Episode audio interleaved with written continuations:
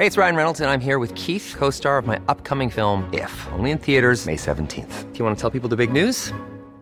All right, I'll do it. Sign up now and you'll get unlimited for $15 a month in six months of Paramount Plus Essential Plan on us. Mintmobile.com slash switch. Upfront payment of $45 equivalent to $15 per month. Unlimited over 40 gigabytes per month. Face lower speeds. Videos at 480p. Active Mint customers by 531.24 get six months of Paramount Plus Essential Plan. Auto renews after six months. Offer ends May 31st, 2024. Separate Paramount Plus registration required. Terms and conditions apply if rated PG. It's that time of the year. Your vacation is coming up. You can already hear the beach waves, feel the warm breeze, relax, and think about work. You really, really want it all to work out while you're away.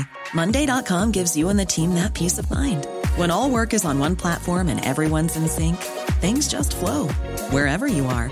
Tap the banner to go to Monday.com.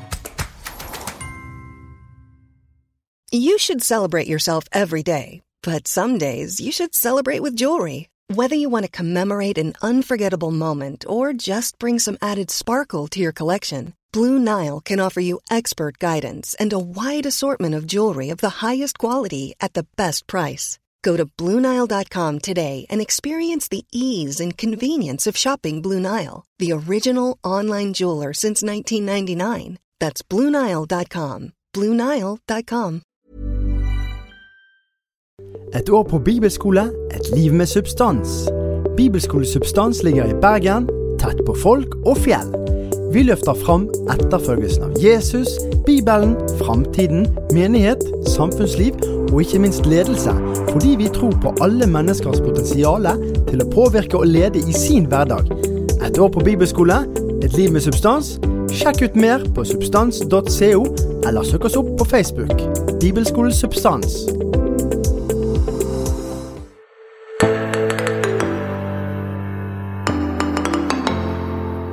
Ny debatt om Visjon Norge og valg i Israel. Velkommen til denne ukens episode av Tore og Tarjei, en podkast fra dagen.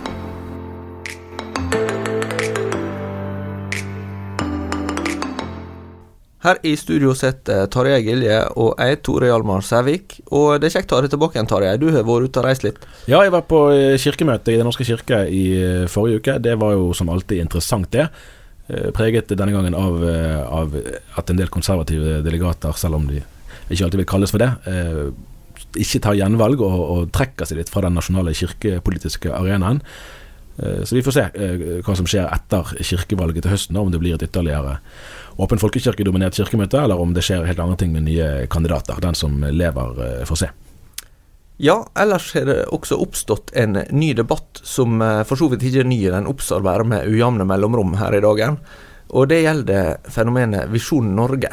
Eh, Ja, dette er jo et velkjent egentlig emne for dagens eh, lesere. Vi har hatt debatt om det i flere runder. Og debattene har en sånn tendens til at det kommer kritiske røster fra ulikt hold, og som viser til at Jan Hanvold og noen andre på kanalen har sagt det ene og det andre, og de ramser opp argumenter. Og så er det helt stille fra den andre siden, frem til han eventuelt på Facebook-siden sin, eller på egen kanal, eh, langer ut mot sine kritikere. Men der skjer ikke egentlig noen, noen samtale mellom han og de og eh, kritikerne, og dermed ebber som regel debattene ut nokså nok så raskt. Nå på mandag denne uken her så hadde vi et eh, innlegg signert emanuensis eh, Oddbjørn Johannessen ved Universitetet i Agder. Eh, Et innlegg som hadde tittelen 'Profetisk hurlumhei' på Visjon Norge. Det er nå delt over eh, 1000 ganger på Facebook. eh, Og det er ikke det så mange debattinnlegg vi har på trykk eh, eller publiserer som, eh, som oppnår. Eh, Og Blant de som har engasjert seg, er jo Bjørgvin-biskop eh, Halvor Nordhaug, som rett og slett skriver at han advarer så sterkt han kan mot denne kanalen. Hva er det som gjør at eh, Visjon Norge blir så omstridt? For jeg har litt en opplevelse av at eh, noen tar Visjon Norge i verste mening, og andre tar Visjon Norge i beste mening. Ja, begge har rett, kanskje. Jeg tror vi må forstå det som en sånn, eh, et fellesskapsbehov eh, i stor grad. Eh, Det er en sånn allmenning. Seerne til Visjon Norge er nok ganske ulike typer.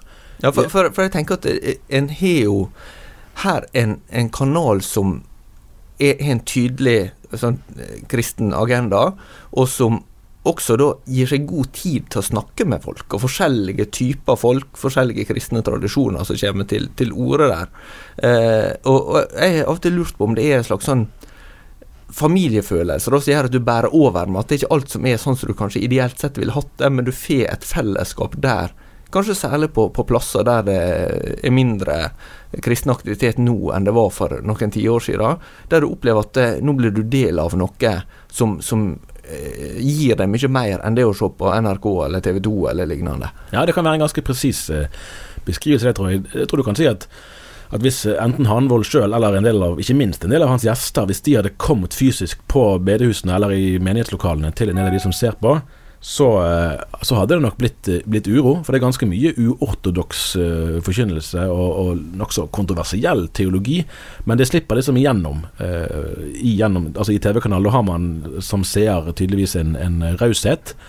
Som, som, er ganske stor, da, som gjør at man Og det er jo kanskje et godt bilde, det som du sier om familieselskapet, at man har noen onkler eller tanter eller fettere eller kusiner som, som, er litt ulike en sjøl, og som kanskje man syns sier og gjør litt rare ting, men det er nå familien, og da, og da ser, man, ser man stort på det.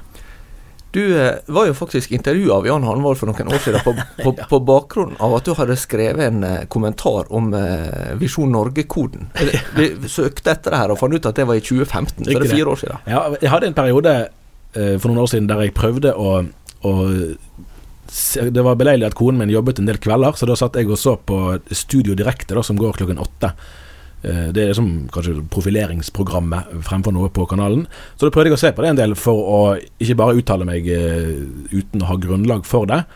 Eh, og så skrev jeg da en kommentar som het Visjon Norge-koden, der jeg prøvde da forsøksvis altså å, å, forstå hva er dette her for et konsept. Og så var det Oslo Symposium det året, og da traff jeg Hanvold der. Jeg hadde vel knapt hilst på han før, tror jeg, så jeg gikk rett bort til han og bare sa god dag og hvem jeg var og sånn, og tenkte han skulle få sjanse til å si at han syntes det var en veldig dårlig kommentar, og den sjansen tok han, for å si det sånn. Jeg hadde ikke knekt noe som helst kode, mente han. Og plutselig så kom det en mikrofon og et kamera, og det var et intervju på TV som da fant sted uten noe særlig forvarsel.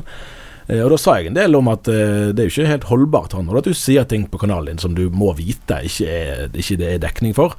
Uh, men jeg tror ikke det intervjuet ble sendt noen gang. Ok.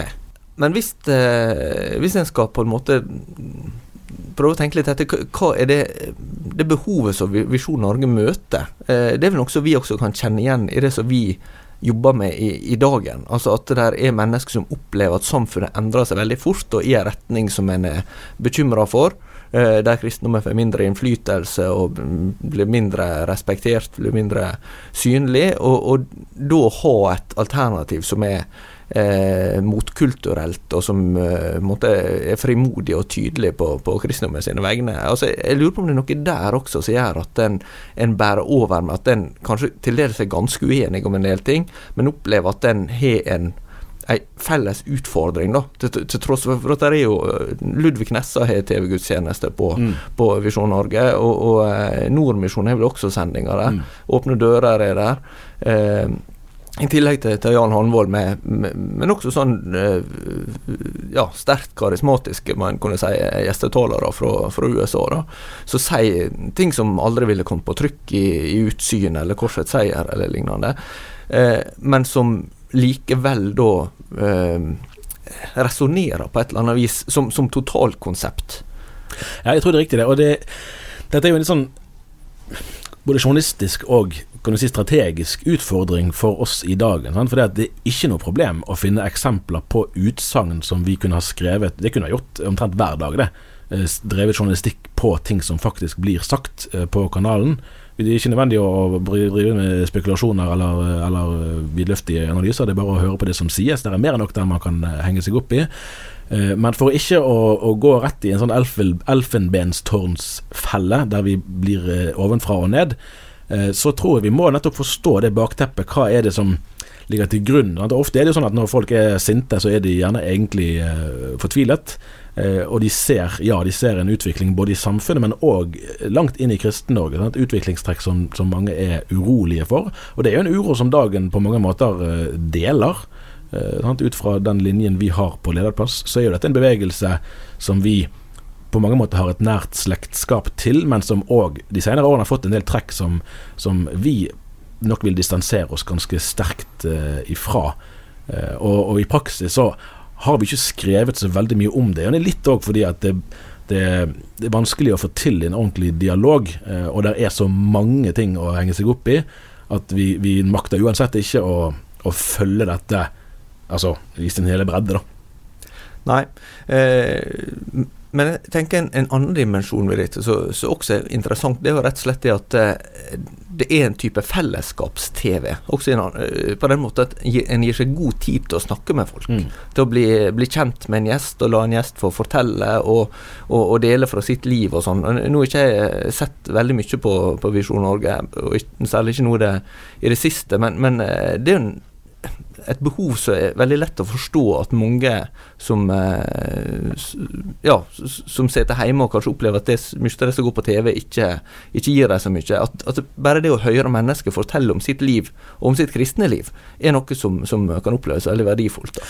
Ja, og, det, og det, der er det jo en sånn tosidighet. for det at hvis du skal se dette i beste mening, da, så har jo vi i Norge, i arven etter Hans Nilsen Hauge, en sterk eh, pietistisk, lavkirkelig tradisjon der man legger stor vekt på uh, altså hjertets uh, tilslutning. Man, det handler ikke bare om, eh, om formelle kvalifikasjoner eller om embeter eller hvilken jobb eller tittel man har, men om levende, det levende Jesusvitnesbyrdet. Og Det er jo helt riktig at det er jo det som, som, blir veldig tydelig løftet frem på mange av flatene på denne kanalen, og det treffer nok i en befolkning, eller i et segment av befolkningen der mange opplever at både teologien blir uklar, og man blir fanget i de uendelige nyansers uh, feller. Og da er her noen som står opp og er frimodige, og så uh, tåler man da at det er en del ting som blir sagt som man syns er litt rare, uh, og kanskje mer enn det òg, men det er likevel en, en, klarhet og en begeistring som, som inspirerer. og da er det fort gjort at de som prøver å, å kritisere, blir da sett i ledtog med de kreftene som man kritiserer, da, som, som, ikke har den samme begeistringen, men som er mer eh, reserverte og, og, teoretiske, kanskje, da, i sin eh, tilnærming.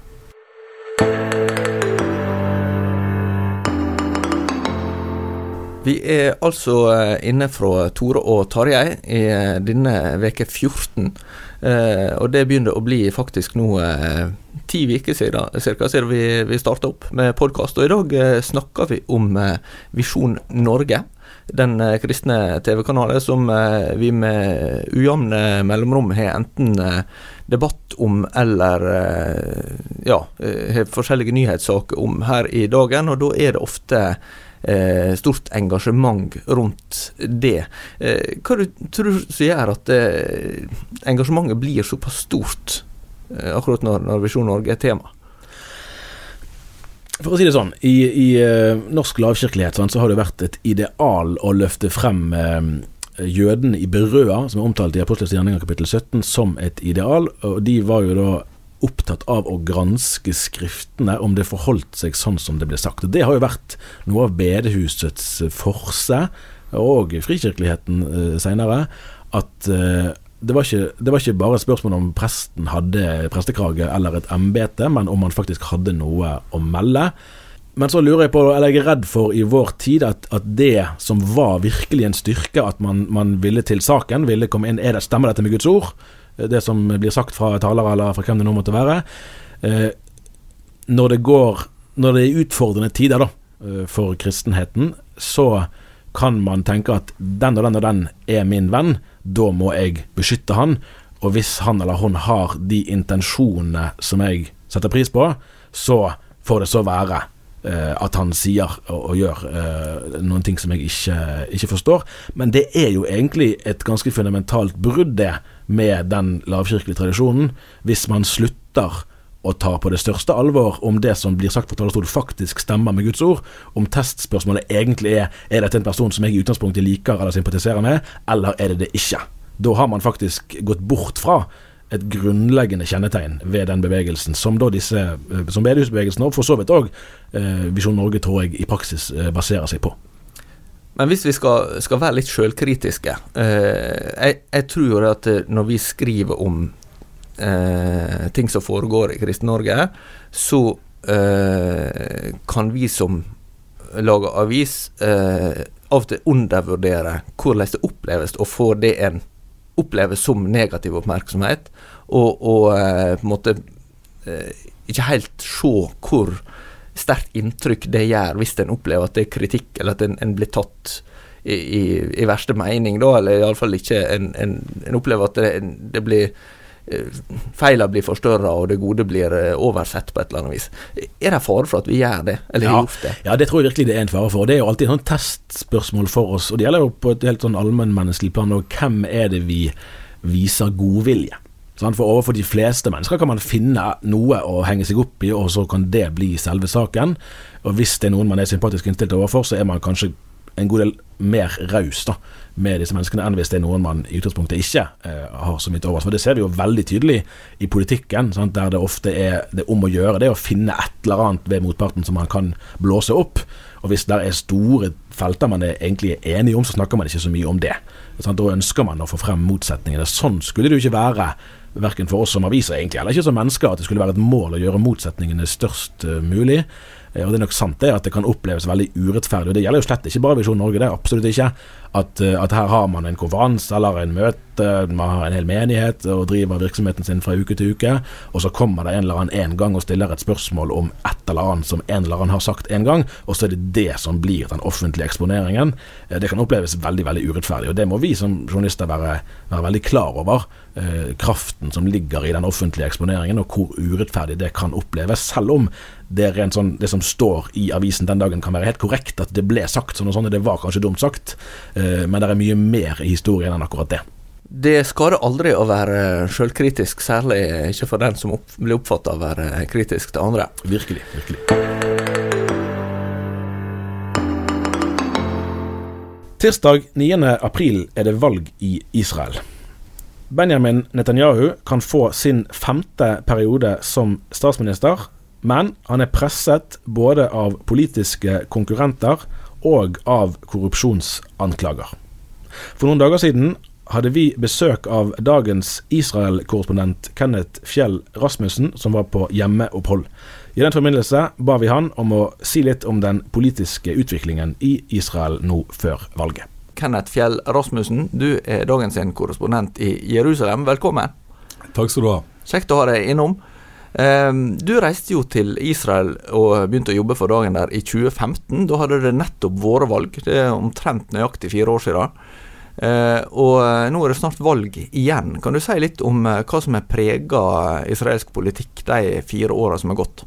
Ja, I 2015 så trodde jo faktisk eh, veldig mange at eh, det skulle bli regjeringsskifte. Du hadde den, denne sionistunionen som var en felles prosjekt mellom Arbeiderpartiet og sentrumspartiet Hatt Noah, som eh, hadde veldig vind i seilet. og Mange trodde de skulle vinne, men så når alt kom til alt, så landet mange på å stemme på Netanyahu og høyresiden likevel. Så du fikk en ny regjering ut av, eh, med Netanyahu som fokuserte veldig mye på sikkerhet, at han var mannen som kunne skape sikkerhet til Israel. Dette var jo like etter Gaza-krigen, den forrige. Og så har vi jo hatt fire år der det har vært en del eh, trefninger og sånn langs grensene, men ikke direkte krig. og i seinere tid av perioden så er det jo òg disse korrupsjonsanklagene mot Netanyahu som har vært mye av det som mediene i Israel da har fokusert på. Hva, hva handler de anklagene egentlig om? Ja, Det er flere saker. Opprinnelig var det bl.a. innkjøp av uh, ubåter fra Tyskland, der man fant ut at vernet til Netanyahu var involvert, men ikke han sjøl. Og så har du en sak der uh, som går på at de skal få dyre gaver, kanskje få millionbeløp sigarer og vin og forskjellig, for å, eh, for å på en måte gjøre det enklere for firmaene til noen eh, amerikanske forretningsmenn. Og så har du en sak der, eh, der som har vært samt, var samtaler mellom Netanyahu og sjefen for eieren av den tidligere største avisen i Israel, Jediut Aronot som nå er blitt nummer to pga. Eh, det er en ny gratisavis som støtter Netanyahu, som heter Israel Hayom, som er den største avisen. Men eh, da Netanyahu tilbød denne eieren av eh, Jediut Aronot at han skulle gjøre det vanskeligere for gratisavisen, hvis også Jediut Aronot, som er veldig kritisk til Netanyahu, begynte å skrive positive saker. og Det er jo noe som er tatt opp på bånd, akkurat den saken. Og så eh, har det òg en sak som går på det at Eh, at eh, Netanyahu vil gjøre det enklere for et teleselskap som har en, en nyhetsside på hebraisk, dersom eh, denne nyhetssiden òg hadde mer positive nyheter om regjeringen. Så det er liksom de de sakene som det går i nå. og Høyesterett, unnskyld, Riksadvokaten har sagt at han anbefaler eh, tiltale mot Netanyahu, men det er ennå ikke skjedd. Men det er noe som vi vet at han har anbefalt nå. Mitt eh, inntrykk Jeg prøver å følge litt med i israelsk eh, politikk. og Da er en sånn hovednøkkel for meg for å forstå utviklingen at man, du kan få en følelse i hvert fall av at mange egentlig har gitt opp eh, utsiktene til å få etablert en varig fredsavtale med palestinerne. Det var jo særlig det Arbeiderpartiregjeringer av ulike typer eh, prøvde på. Eh, og nå handler det om å håndtere situasjonen som best man kan. Og det er egentlig det som er eh, grunnsteinen i Netanyahu sitt regjeringsprosjekt. At han er den som skal levere på den sikkerheten. da Uten å Han sier at han er for fred, og det er han jo sikkert òg, men han har ikke noen veldig ambisjoner egentlig tilsynelatende om å få laget noen nye avtaler. Er det, er det en Kjenner du igjen en sånn forståelse? Jeg tror det er en veldig god beskrivelse av hvordan det er, og det gjelder jo blant vanlige israelere òg. Du har jo veldig mange som sier de er villige til å ha en tostatsløsning, de ønsker fred, men de har ingen tro på at det kan skje. Derfor vil de heller ikke bruke veldig mye energi på det, enten å bevare status quo, at det noenlunde normaliserer situasjonen. Det er liksom der mange ligger. Og når det kommer til Arbeiderpartiet, som før var ledende i det å mm. skape fredsavtale, så har de på en måte lagt helt død den delen der, da. Eh, de kjører nå nesten utelukkende på eh, velferd og sosiale tiltak. Og hvis noen husker helt tilbake til 2011, når én million mennesker demonstrerte i Tel Aviv mot uh, høye priser og boligpriser og annet, så er nå lederne for den protestdelen er nummer to og tre på listen til Arbeiderpartiet.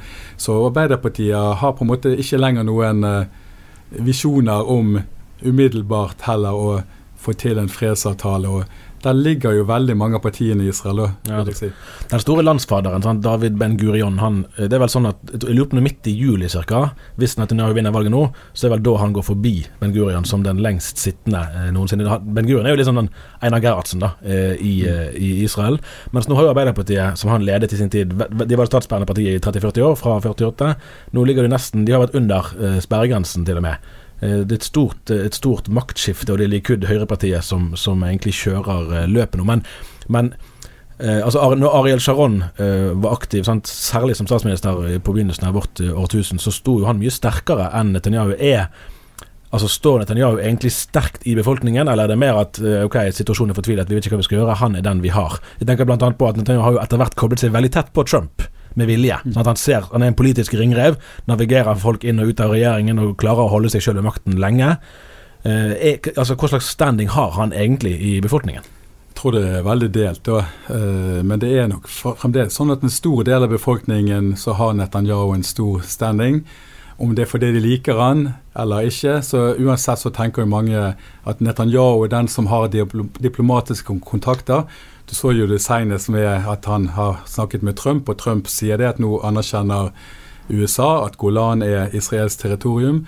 Du har, eh, han hadde fire besøk på rad på et år her nå til Putin i Moskva, der de snakker om Syria. Så det er jo ingen som kan overgå selvfølgelig Netanyahu når det gjelder diplomati. Han snakker perfekt engelsk etter å ha vokst opp i USA. og Han har på en måte eh, alle de tingene der. Og så er jo veldig mange enige òg om at han er har vært korrupt, og at han kanskje burde gått av. Men samtidig så ser man litt mellom fingrene, fordi at de ser jo at han er, han er en god mann for Israel når det gjelder mange av disse andre ting. Det er jo vanligvis sånn i politikken at når vi snakker om høyreside og venstreside, så tenker en på økonomisk politikk. Altså skal du ha høye skatter og, og mye velferd og en sterk stat, eller skal du ha lavere skatter og stor frihet og, og mindre statlig innblanding. Men israelsk politikk er jo annerledes. Der er det sikkerhetsspørsmål altså egentlig avgjør høyre-venstre-aksen. Altså Haukane er på høyre side og duene på venstre side, for å si det litt, litt enkelt. Eh, ser du noe utvikling der i hva som preger høyresida og venstresida i, i, i Israel? Altså Det er jo riktig du sier det at eh, når man tenker høyre og venstre i Israel, så er det nesten utelukkende sikkerhetspolitikk og sånne ting som er inne i bildet. Du har jo òg partier som satser på velferd og sosiale ting, men i det store bildet så tenker man da sikkerhetspolitikk. Og du vil nesten ikke se at noen sentrumspartier vil kalle seg for sentrum venstre f.eks. lenger. De kaller seg for enten sentrum eller sentrum høyre. Kanskje med rett som tilsvarer SV. Kanskje Arbeiderpartiet, men de er jo egentlig nesten et sentrum høyre-parti de òg. Så det, egentlig er venstresiden vekk i israelsk politikk sånn sett, og fredsbevegelsen ligger med brukket rygg. Det har med det vi snakket om i sted, at folk ønsker fred, men de ser ikke noen mulighet til at det kan bli det. Derfor, derfor er folk skuffet etter Oslo-avtalen og alle ting, den optimismen som var på 90-tallet. Så du har, eh, Det er det det går i. og Du ser jo ofte at han ser jo flere ganger nå at han Gans Eh, Benny Gantz, som er hovedutfordreren til Netanyahu. Det er altså tre generaler og en tidligere fjernsynsstjerne som har slått seg sammen og laget partiet De blå-hvite, som er et sentrumsparti som er hovedutfordrer til høyresiden. Uh, du ser jo det at han òg hele tiden snakker om at Netanyahu er for svak når det gjelder Gaza f.eks. Han vil aldri tillate at de vil sende inn lønn til arbeidere på Gaza f.eks. Han mener Netanyahu har slått for lite tilbake mot Gaza. Så det som er liksom utfordrende til Netanyahu, de er òg sikkerhet de, de, de profilerer seg på. Så For noen uker siden var alle de tre generalene og han fjernsynsstjernen i skinnjakker på, på Golan og viste her er vi, vi sikrer Israels grense. Og så sto jo da Netanyahu tilbake nå forrige uke med at uh, Trump støttet Netanyahu og sa det at heretter vil USA ikke lenger snakke om at Golan er okkupert, men det er israelsk territorium. Så det var jo òg en indrepolitisk ja. grunn til at Trump kom med den akkurat der og da, fordi at han er venner med Netanyahu. Det er jo også en eh, viktig sak de imellom som har fått en del internasjonal eh, oppmerksomhet. og Det er jo Iran-avtalen som eh, ble inngått i 2015, stemmer ikke det? Eh, som Trump valgte i fjor å trekke USA ifra. Eh, hva tenker du at det har betydd for Israel? Altså, hvor bekymra er israelerne for Iran som trussel? Det er jo Iran som er hovedtrusselen. Altså, Israel ikke, var, har aldri vært særlig bekymret for f.eks. IS og sånn. Eh, det er, det er, Iran som er trussel for Israel. og Det har både med atomvåpen å gjøre, men òg at at eh, du har hele Hizbollah-geriljaen i, i, nord, som er på en måte støttet av eh, Iran. Og så har du en ny utvikling der det etableres sjiamuslimske militser langs Golan. Og Gamlelaget kunne kanskje Assad sagt at her skal våre soldater stå, her skal ingen militser stå, men han er så svekket nå at han må la Iran etablere seg langs grensen til Israel. Så nå, lenger, nå er ikke lenger trussel bare fra Libanon og Hizbollah i nord, men òg fra syriske siden, der sjiamuslimer fra hele verden nå etablerer seg med milisser. Så, så, det er jo en uh, viktig ting. Både trussel fra atomvåpen og ikke minst da dette langs grensene. Det er jo noen som har sagt at kanskje vil aldri Iran uh, bruke atomvåpen mot Israel, for da må de forstå hva som, hva som skjer i retur. De vil òg få atomvåpen i retur, men eh, det har òg vært, uttalelser fra Iran om at Israel er lite, én bombe nok. Vi er svært land, så vi vil overleve uansett. Det er sånn, i hvert fall sånn retorikk da, som iranske ledere har kommet med. Men er det sånn at uh, dette her preger hverdagen til vanlige israelere, frykt for den situasjonen? For En kan jo nesten, uh, når en følger mediedekninga av Midtøsten, ha en opplevelse av at uh, det er en slags konstant, iallfall sånn nesten krigstilstand. Men hvordan er det å leve der nede når du har vært der såpass lenge? Altså, Jeg bor i Jerusalem, og de, Jerusalem blir jo nesten aldri truet direkte av eh, raketter og sånne ting. Du har de hellige stedene til muslimene og alt sånt. Så i det daglige så er jo det forferdelig å bo langs grensen til Gaza f.eks. Og der har det jo vært store demonstrasjoner i fjor. De marsjerte jo 10 000 mennesker til Jerusalem og klaget på at ingenting blir gjort for de lever i periferien. Hadde det skjedd i Tel Aviv eller Jerusalem, så hadde, så hadde myndighetene reagert.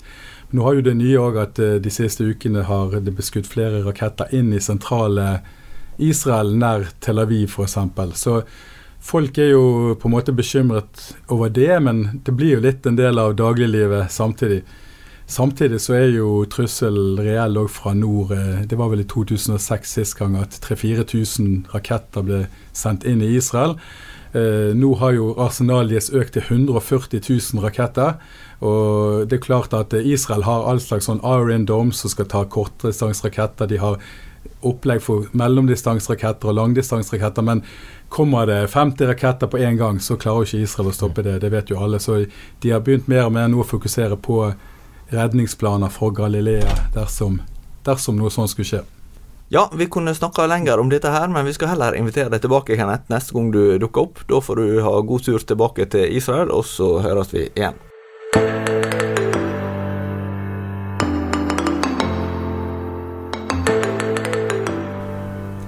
Det var altså Kenneth Fjell Rasmussen, vår eh, korrespondent i Jerusalem, som var gjest her i Tore og Tarjei i eh, den siste sekvensen vi hadde i dag. Vi gleder oss over de gode tilbakemeldingene vi får på podkasten, og vil gjerne høre fra folk som både er fornøyde og misfornøyde, og har tips til aktuelle emner eller gjester. Ta gjerne kontakt med oss på mail tore.krøllalfadagen.no eller tarjei.krøllalfadagen.no. Og abonner gjerne på Tore og Tarjei i iTunes, Spotify eller der du ellers finner podkaster. Og så minner vi om at vi er på eh, Facebook, så du kan også søke oss opp der og eh, like den sida vi har fått. Vi høres igjen neste uke.